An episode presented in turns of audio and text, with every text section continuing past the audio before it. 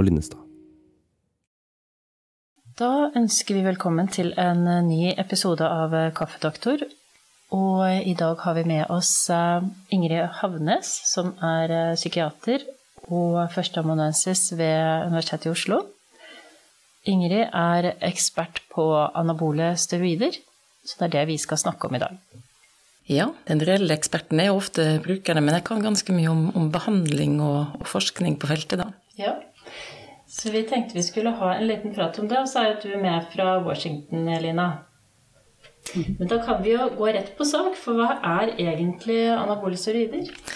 Ja, det er jo et, en fellesbetegnelse på eh, hormoner som eh, testosteron og lignende, eh, ja, lignende, substanser som er laget kunstig. Da. Så det vil du vite litt om hvordan det virker i kroppen. Ja, det er, det er Både kvinner og menn produserer jo testosteron, og menn mye mer enn kvinner. Så hvis man tar mer enn det kroppen lager sjøl, så får man to, to hovedeffekter. Da. Den anaboleffekten, den muskelbyggende effekten, og så er det den eh, androgene som er mer maskuliniserende. Så da gir det jo forskjellige typer effekter som er både ønsket og uønsket. Jeg er veldig opptatt av at man tenker jo gjerne at det er eh, Man ønsker muskulatur, bygge muskulatur, endre kroppen til det idealet man har. Eh, mindre fett, f.eks. Ja, eh, og, det er viktig å vite at de som bruker anabole steroider, trenger ikke å være veldig, veldig store. Nei, de kan se normalt veltrent ut.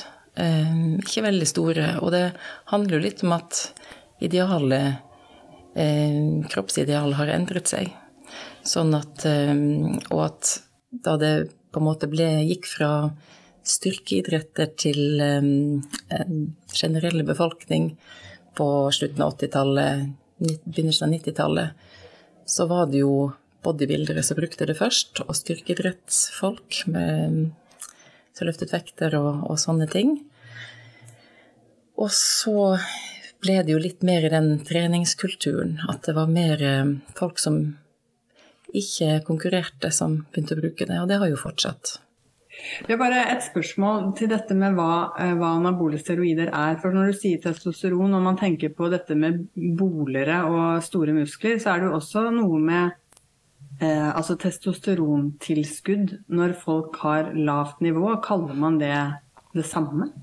Det er et kjempegodt spørsmål, fordi at mange menn som har brukt anabole steroider og slutter, de greier ikke å få opp egenproduksjonen. Eller så har de tegn til lavt eh, testosteronnivå, selv om det er i nedre normalområde. Og det er det mange som ikke får det hos lege, og det er jo det er ikke forsket på effekten av det. Sånn at da kjøper de det illegalt og bruker det som en testosteronsubstitusjon. Veldig mange gjør det. Um, men de som får dette forskrevet av lege, da kaller vi det bare for eh, ja, på, på engelsk kalles for testosterone replacement therapy, TRT. Men eh, det er jo en substitusjonsbehandling. Du, du, er jo i USA nå, og der er det jo litt kanskje mer anerkjent at middelaldrende menn får det for å dempe depresjon, få opp energinivået, seksuallyst. Eh, kanskje uten at de har veldig lave verdier, egentlig. Jeg har forstått som du sier at her i USA så er det eh, sannsynligvis mye lavere terskel for å gi det til menn som har litt lavt nivå, ja, uten at de egentlig eh, er under referanseområdet, men at de er i nedre del. Ja, det er nok litt. Det er det noen som forskriver det, men, men det hører ikke til i retningslinjene. Men det betyr at det kan på en måte fungere litt på samme måten? Ja. Men anabole steroider, når du jobber med det, så er det ikke noe som er forskrevet av lege? Det er Det er sånn som de enten kjøper illegalt eller importerer, eller noen få også som lager det sjøl, basert på råvarer som blir importert. Og hovedmålet er å bygge muskler? Hovedmålet er å bygge muskler eh, og få det kroppsbildet som man, man ønsker. Noen har jo også en kroppsbildeforstyrrelse eh, hvor de føler seg mindre enn de faktisk er. Og noen utvikler det jo også når de begynner med steroider, at de de blir mer og mer opptatt av, av eh, hvordan kroppen ser ut underveis i løpet. Hva er det det heter? Megareksi eller noe sånt? Nei, hva er det det heter igjen? Ja, eh, det er et godt spørsmål. Det, noen har kalt det for megareksi, altså omvendt anoreksi. At man føler seg mindre enn, nei, mindre enn man er. Men kroppsbildeforstyrrelse er på en måte en god overskrift. Dekker flere. Ja. Men uh, de ungdommene da, og voksne som du, du har vært borti, uh, ja. hva er årsaken til at de kommer til helsevesenet, holdt jeg på å si? Hvorfor havner de der? Ja, det er mange motivasjoner for å begynne, og mange motivasjoner for å slutte. Og noen er bare lei av å sette injeksjoner, for det settes jo det er hovedsakelig injeksjoner man tar i kombinasjon med tablettpreparater. Eh, og at det faktisk er ulovlig i Norge at noen har fått en, dom på seg eller fått ikke ønsker å være i et, et kriminelt miljø. Så det er en grunn til at de vil slutte. Mens noen av barn ønsker, og når man går på, så, de jo, så er det jo vanskelig å bli eh, At partneren blir gravid. Så fertiliteten er nedsatt betydelig. Eh, men det er så noen er lei av det livet og har lyst til å bare være, være normal igjen. Og ikke minst det at det har gitt masse, masse bivirkninger. Det er jo hjerte-kar særlig. Um, noen har jo fått akutt hjerteinfarkt. Hva er det som skjer med hjertet når du begynner å bruke dette? Ja, Det er jo en muskel. Hjertet er jo en stor muskel, det også. Sånn at da får man Det er en kombinasjon av mange ting. Men at hjertemuskelen vokser og blir større og pumper dårligere blodtrykket blir høyere. Altså, um, og så får man en sånn uheldig um, fettmetabolisme. Uh, at du får mye mer skadelige um, lipider, som vi kaller det for, da, i, i kroppen, som er mer, gir mer risiko for uh, hjerte-karsykdom. Og det, det fører jo steroidene til. Så det er jo for noen så er det de helseplagene man får, som gjør at de vil slutte. For ikke å snakke om det er de fysiske, men de psykiske er jo eh, Må vi nesten bruke litt tid på. Mm. For det er veldig stor forskjell på hvordan man har det når man er på, og når man er av. Går det på aggresjon først og fremst, eller hva er det som er Ja, noen Det er sånn typisk at det er det første man tenker på. Og det er jo en sånn tabloid fremstilling. Eh, i avisene særlig, at, um, at, man blir veldig aggressiv når man bruker steroider. Noen gjør det, men mange gjør det ikke. Så um, det å, den effekten når man er på, er det mange som er veldig fornøyd med. At man er, får mer energi, mer overskudd, økt selvtillit. Og så kan noen bli mer aktive, litt over i det sykelige, altså hypomani, og man kan uh, utvikle paranoid, paranoiditet, eh, særlig i forhold til sjalusi, patologisk sjalusi. Og noen kan også utvikle psykose. Det er ikke så ofte, men vi ser det av og til. Men det er når man er på. Men når man er av, så har man jo skrudd av egenproduksjon av testosteron. Og da går man inn i en fase fra man er på, og noen uker etterpå, tre-fire uker etterpå, så blir man eh, sånn ganske raskt deprimert, eh, nedsatt eh, ja, energinivå, fatigue, veldig ekstrem fatigue er det mange som beskriver. Så helt utmattelse. Og søvnproblem, nedsatt seksuallyst, ereksjonsproblematikk for menn. Og det er en skikkelig tung situasjon å være i når man går fra egentlig å ha det greit til å havne skikkelig i kjelleren på noen få ukers eh, mellomrom, og da ofte søker de om hjelp. Er det sånn at uh, dette her inntreffer relativt raskt etter at du har begynt? Det at du ikke kan gå av uten å få sånne dipper, eller er det noe som først inntrer etter at du har brukt det i lang tid, og kanskje Jeg vet ikke hvordan doseringen er på dette her. Ja. De fleste starter jo med kurer hvor de tar sånn seks til tolv uker med en ganske lang pause imellom for at kroppen skal få tilbake en egen produksjon, og spermieproduksjonen som også dempes. Um, så det ganske, blir det ofte litt tøffere og tøffere å gå av en sånn kur, så mange velger da å gå på en konstant lav dose, nesten som en sånn TRT som jeg snakket om i sted. Og så har de kure på toppen, hvor du får den effekten på muskulaturen. Så du har en lav, jevn dose, og så har du kure på toppen.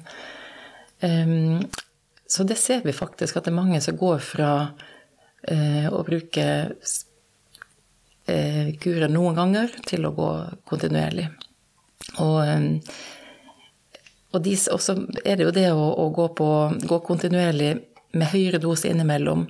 Og til slutt er det noen som velger å bare gå på en lav dose hele tiden, som en slags sånn selvmedisinering for å unngå den eh, Ja, det kalles jo for hypogonadisme. Um, den lave egenproduksjonen av testosteron. Og hvilken aldersgruppe er det dere ser dette her mest i? Ja, de som er i behandling, er jo alt fra noen og 20 til opp i 60 år. Um, når man starter det, Den yngste som har tatt kontakt med Steroideprosjektet sin informasjonssamtale, var vel ja, tidlig i tenårene. Uh, og den eldste opp i 80 år. Uh, sånn at det er et veldig stort spenn. Og bakgrunnen er jo også veldig, veldig forskjellig. Men da, eh, hvor får de tak i dette her når de er eh, sånn tidlig i tenårene? Høres jo veldig tidlig ut. Er det på helsestudio, eller er det vennekrets? Det er ofte noen man kjenner eh, på helsestudio, noen i treningsmiljøet. Noen sitter jo også på en liten plass og bestiller på nett. Um, det er jo veldig mye dop som kan bestilles på nett, sånn ja. jeg vil jo tenke at det sikkert er en vei for mange det, det, er så mange kilder på nett hvor du kan også lese om hva du skal bruke, hva du skal kombinere, hvordan du skal ta det for å skape minst mulig skade. Og noe informasjon er jo eh, god, eh, kanskje, eh, og noe er jo veldig, veldig farlig. Det er jo ikke en kvalitetssikret informasjonskilde som, som brukes da. Men eh, det er vanlig å, å, be om eller få informasjon av noen man kjenner. Mm. Det gjelder gjerne menn. Kvinner um, er det mer skambelagt å dele at man har tenkt å bruke.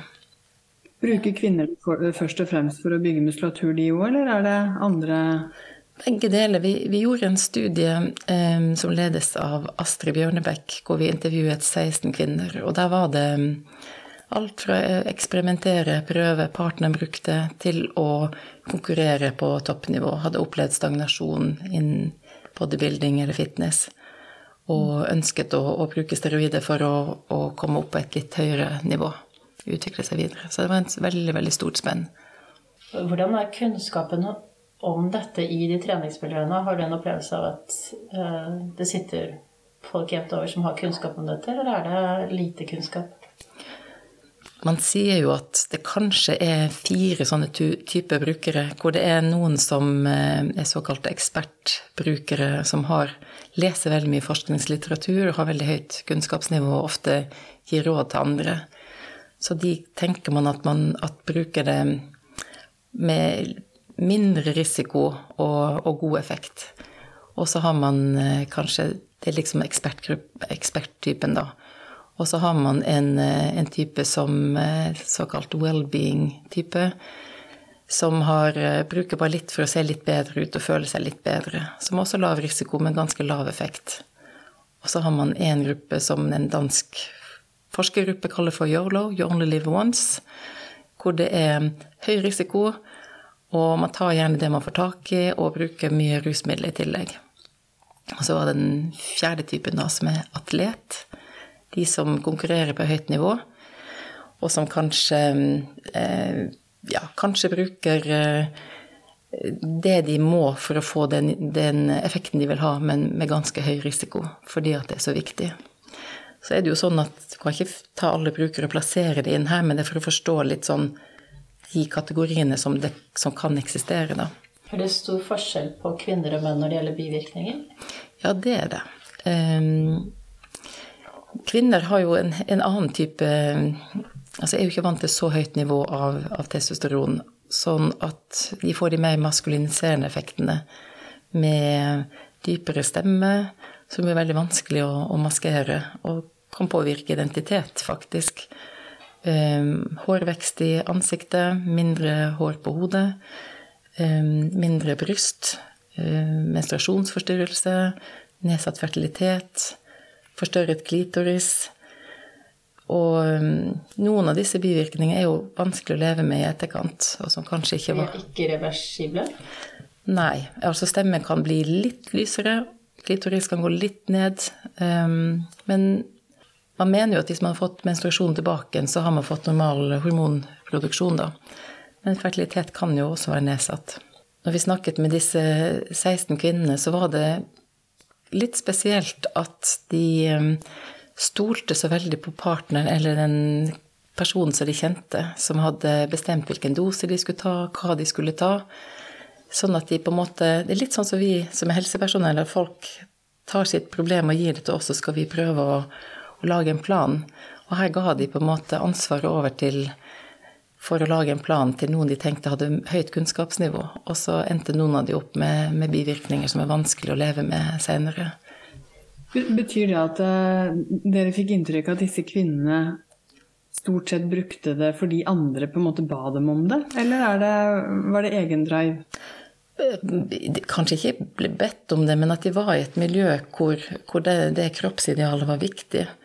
Og noen av de kvinnene hadde også hatt en ganske vanskelig bakgrunn med utenforskap og det å være i treningsmiljø og være dyktig og i tillegg få god framgang kan gi mer tilhørighet, kanskje. Sånn at ehm, Og da vil jo steroider være en hjelp til å få bedre resultat og bli sett mer opp til, kanskje.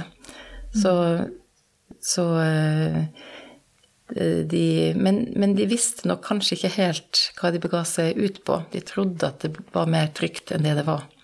Men så er det noen som har sluttet uten å ha problemer i det hele tatt. Sånn at, um, at det kan man ikke ja, Man kan i hvert fall ikke si at uh, det går dårlig med alle, for det gjør det ikke. Men tenker du at det er flere som bruker steroider nå enn det er tidligere? Jeg bare tenker sånn, Hvis du ser på liksom Facebook og Instagram og alle de sosiale mediene hvor du kan spre bilder av deg selv hvis du først er opptatt av kroppsbygging, da. Ja, nå er det jo sånn at uh, det har vært gjort studier som Folkehelseinstituttet bl.a. De har ikke sett en økning men vi har jo ingen gode, store befolkningsstudier i Norge hvor vi inkluderer både unge og eldre, så vi vet egentlig ikke noe om det. Jeg tenker dette er liksom som går litt under radaren. Tenker, ja. Når du sier alle de psykiske problemene som man faktisk kan få. Ja. Uh, og jeg tror aldri jeg har spurt en pasient om steroider. Så det måtte de i så fall ha nevnt selv. Da hadde det mm. vært et, uh, et spørsmål jeg har tatt initiativ til å stille. Nei. Jeg pleier ofte å spørre når jeg underviser om det er mange som har hatt pasienter eh, med, som har brukt anabole steroider, så er mange som svarer nei. Så jeg sier ofte at eh, du har nok det, du bare vet ikke. Fordi at vi gjorde jo en studie blant eh, pasienter i tverrfaglig spesialisert rusbehandling, og da var det jo ja, over ja, ca. 35 av menn som hadde brukt steroider, og 8 av kvinner. Og um, det er jo mye, mye høyere enn i generell befolkning, som det er 2-3 av menn og under 0,2 av kvinner. Og det samme blant innsatte, at det var um, veldig høyt der også. For jeg tenker Hvis det er sånn at uh, mange er normalvektige og ser egentlig ganske helt normale ut, så ja. vil ikke det være det som slår deg først, at denne personen kanskje bruker steroider. Men hvis det er en som er kjempestor, så vil du automatisk få den tanken. Ja. Og det er et viktig, viktig poeng. Tenk på du, Kristin, som eh, driver med psykoser. Det er jo ikke det første du tenker når du kommer en psykosepasient, at uh, bruker vedkommende anabole steroider? Nei, det... sannsynligvis er det også ganske sjelden. Men uh, man burde kanskje ha det i bakhodet. Og kanskje særlig på depresjon, og når du også sier det påvirker stoffskiftet. Ja, Men du nevnte nå det med stoffskifte. Jeg tenker jo at uh, det er litt viktig også å fortelle at det brukes mange andre ting i tillegg til anabole steroider. Og det er jo litt skremmende for oss som helsepersonell å vite at mange bruker også insulin eh, som, for å øke anabole effekt i tillegg. Tyroksin brukes for å få økt aktivitetsnivå. Eh, man bruker masse slankestoffer som er illegale hesteastmamedisin, klenbuterol som det heter, og efedrin. Mange bruker også sentralstimulerende for å gå ned i vekt. Eh, så det er viktig å vite litt om hva annet man kan bruke, og også veksthormon, som også det er veldig dyrt, men gir også en anabol effekt og fettbrenneffekt, effekt, som folk er opptatt av. Så husk å, å spørre om de tingene også, på en nysgjerrig og ikke dømmende måte. Det er veldig viktig. Ja, for du har også vært litt opptatt av det, hva som skal til for å få en samtale Ja. omkring disse tingene. Hvordan skal du få folk til å snakke om det? Ja. Da syns jeg alltid at det er veldig viktig å spørre om de positive effektene. Dette med å føle seg bedre, eh, være fornøyd med kroppen sin, eh, altså god selvfølelse, økt energinivå, seksuallyst, som er bra, kanskje noen ganger for bra. Um, og å skjønne at når man skal slutte med, med steroider, så er det et kjempetap å miste de gode tingene også. Og da må, man, da må man snakke om det som er positivt, for å også kunne prøve å finne alternative måter å oppnå det samme på. Får jo ikke det helt til, men det er jo i avhengighetsfeltet så er man ganske god på akkurat det. Finne andre, andre såkalt belønnende aktiviteter. Sånn at eh, mange har jo opplevd å bli stigmatisert av helsevesenet både fordi at de kommer og sier 'jeg greier ikke å slutte, jeg trenger hjelp'. Jeg kom tilbake om seks til tolv måneder når du har slutta, så skal vi henvise deg til endokrinolog. Det er på en måte veldig, veldig tung beskjed å få. Men eh, man har jo altså pasienter eller personer som bruker steroider, de har jo rett til behandling i rusfeltet, altså i TSB, tverrfaglig spesialisert behandling av rus- og avhengighetslidelser. De eh, fikk den retten i 2012-2013, samtidig som steroidbruk ble ulovliggjort. Sånn at eh, det å henvise inn der, hvis pasienten ønsker det sjøl, eh, er viktig hvis man sitter i allmennpraksis, da. Men kaller man det en avhengighetslidelse? Ja, man gjør det. Så man har jo en Man sier jo at det er en avhengighet som er på en litt annen måte, for det går jo på eh, hormonsystemet. Egentlig tre inngangsporter. Da. Det ene er hormonsystemet, også den velværefølelsen man får. Og så den avhengigheten av å ha et visst eh, muskelvolum eller et visst kroppsbilde, eller en viss kropp. Og at man kan reagere veldig tungt psykisk når man opplever at muskelvolum går noe ned når man slutter. Så for noen så er det så tungt at de, de fortsetter. Så det er egentlig tre inngangsporter til avhengighet. da.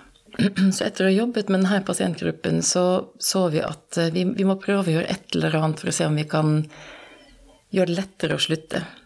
Fins det en måte å igangsette egen produksjon på eh, litt fortere? Og det, det, gjør det jo. Så vi, vi søkte jo om midler, og fikk forskningsmidler, og fikk godkjenning fra Statens legemiddelverk til å gi et,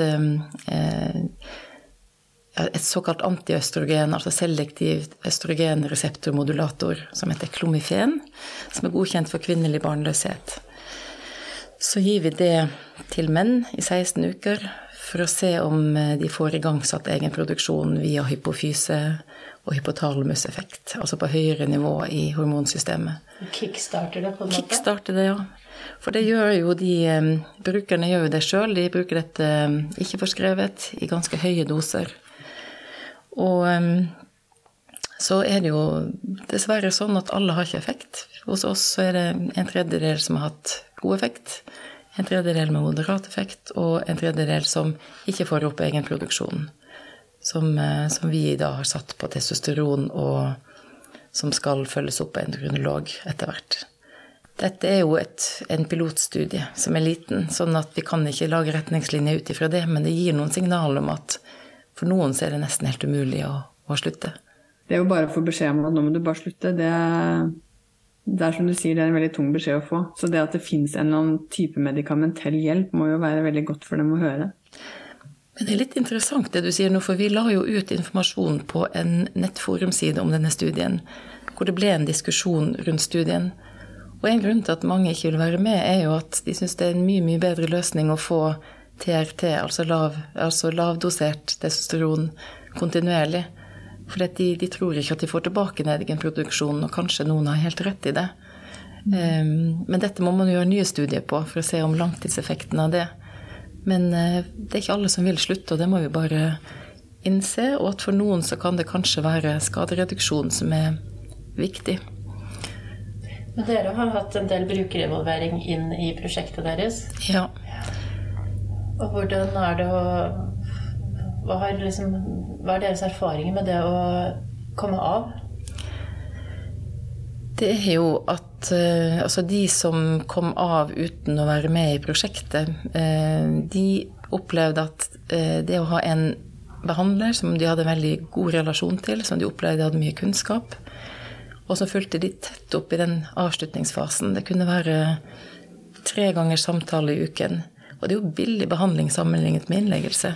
Men de opplevde i hvert fall at det å få tett oppfølging av det fysiske og det psykiske, og eh, spesielt hyppig mye støtte de første fire, ja, to-tre månedene, og så begynne å jobbe litt med konsekvenser av det de har brukt. Noen har jo blitt mer følelseskald, har fått noen relasjonelle problemer. Eh, noen har brukt rusmidler samtidig og, hatt, og trengt hjelp til å forstå og rydde opp i en del av de eh, ja, vanskelige sosiale relasjonene de har hatt. Eh, og lære seg til hvordan de skal gjøre ting på en annen måte. Og så har de også hatt eh, nytte av å bli utredet for psykisk helse. For noen har jo hatt bipolar lidelse, ADHD, PTSD, eh, angstlidelser. Å få behandling for det medikamentelt gjør jo at man håndterer tilværelsen, tilværelsen bedre. Så det har vært også kjempeviktig å få den utredningen der. Så, men, men, det å, å, ha behandlere som har kunnskap på feltet, er helt nødvendig for å få en god behandlingsrelasjon. Jeg tenker jo at behandlere må benytte anledningen hver gang man har en pasient å lære av pasientene sine. Men er det sånn at uh, man får, kan få behandling for dette rundt omkring i landet, eller er det her i Oslo? Man skal kunne få det lokalt på sin egen eh, ruspoliklinikk. Uh, og det er veldig høyt kunnskapsnivå rundt omkring, men vi vet jo at man må ha ganske mange pasienter for å bli veldig god. Og um, sånn at det er jo en, en Vi har jo et nettverk, eller Steroideprosjektet har et nettverk av klinikere på ca. 80 personer fra spesialisthelsetjenesten, men også noen fra primærhelsetjenesten fra hele landet Sånn at eh, det er interesse for å, å, lære mer om dette feltet. Noen som En psykiater som sa til meg at å, nå har du vist meg et, det sorte hullet som jeg ikke engang visste at jeg hadde. Du fylte litt igjen, ja.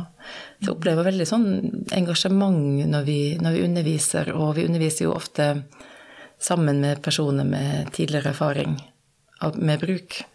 Syns at det gir en veldig sånn fin eh, vinkling.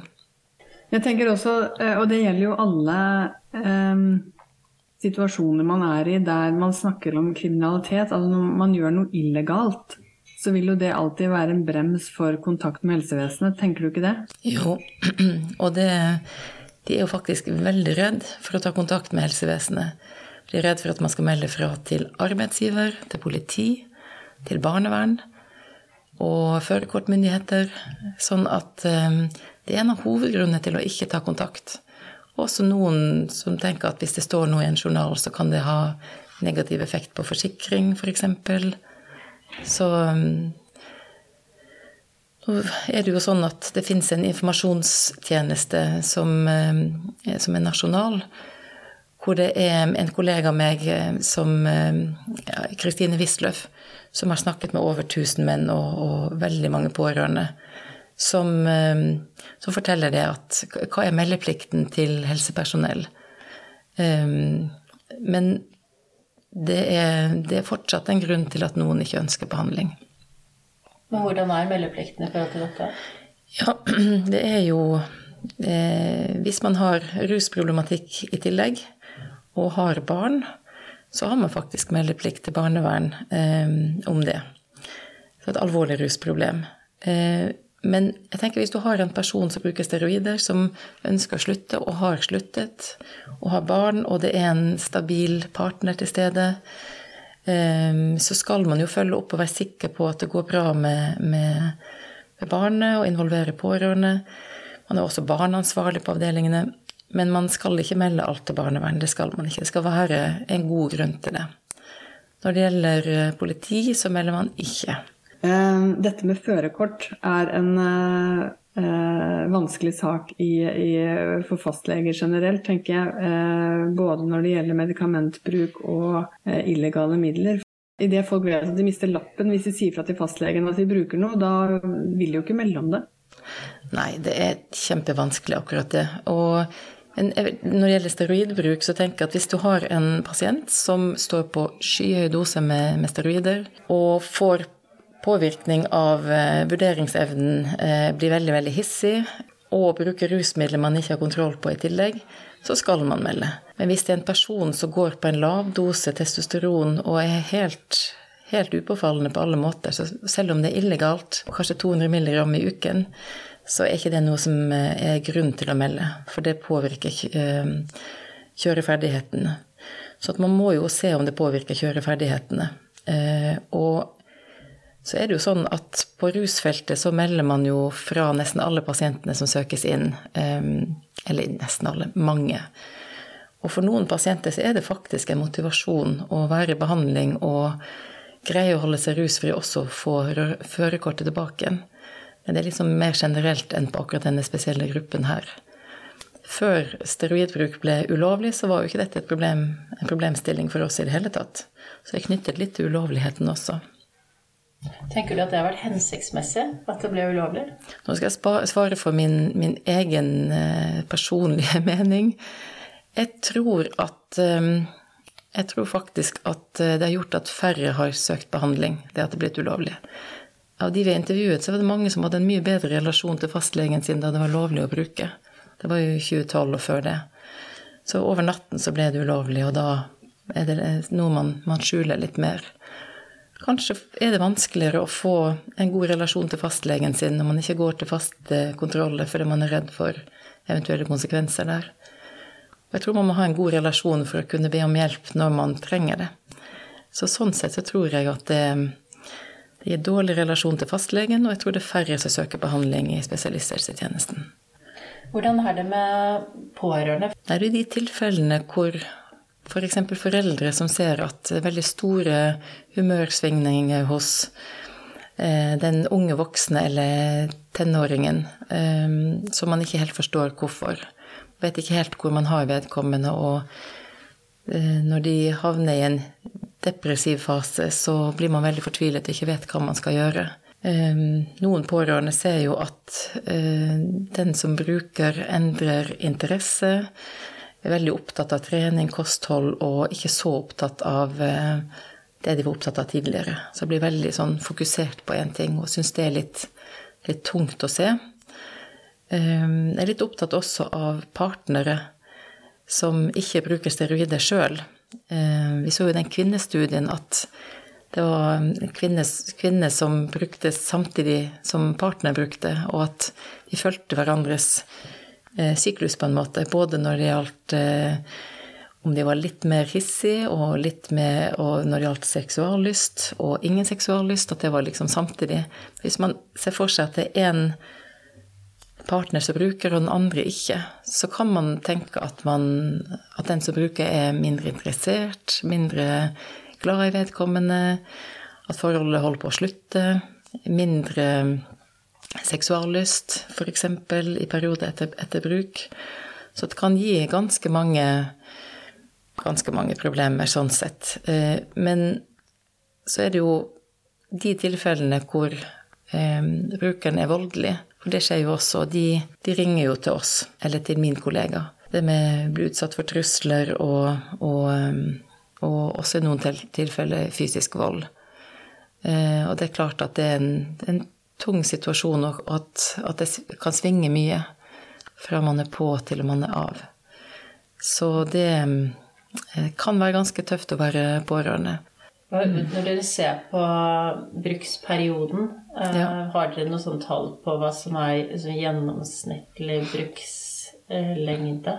Eh, hvis du ser mer sånn livstidsperspektiv? Altså de som kommer inn i behandling, eller Altså det er jo noen som begynte på, på 90-tallet som fortsatt bruker, og som ikke greier å slutte. Og som ikke ønsker å slutte, kanskje.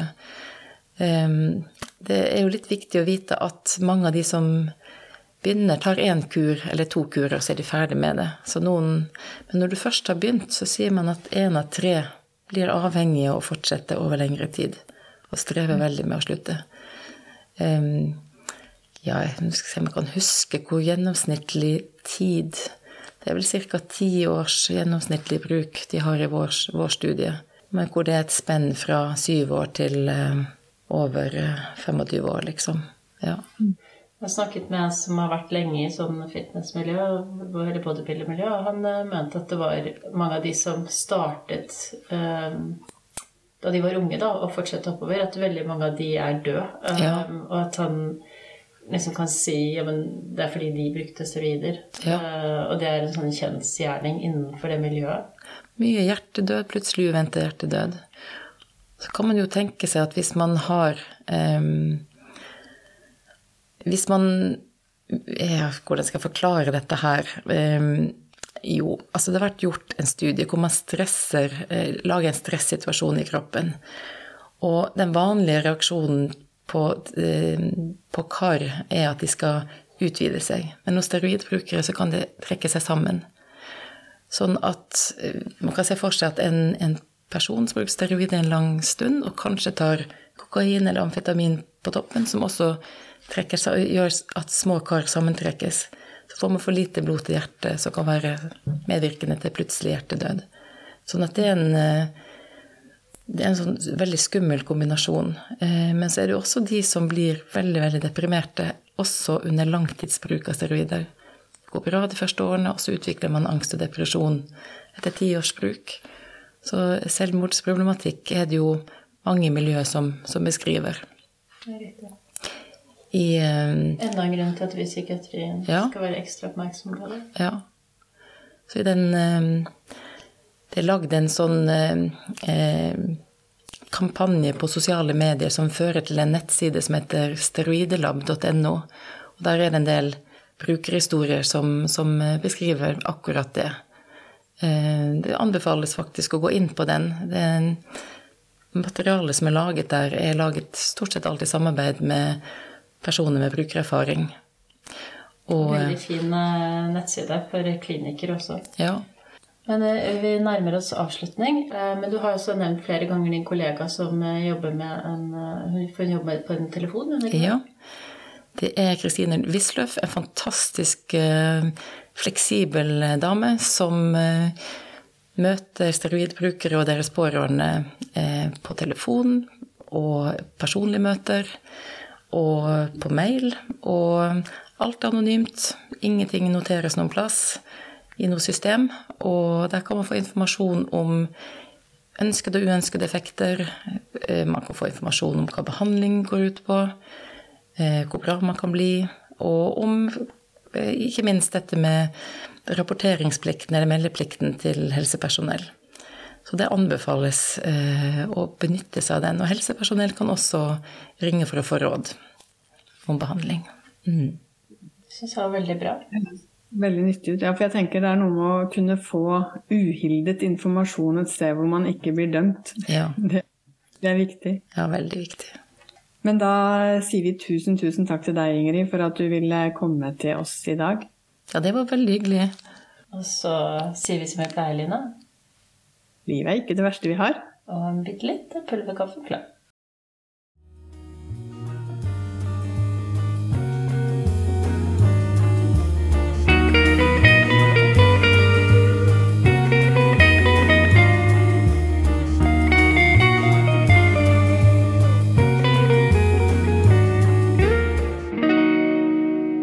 Kaffedoktor med Rom og Linnestad.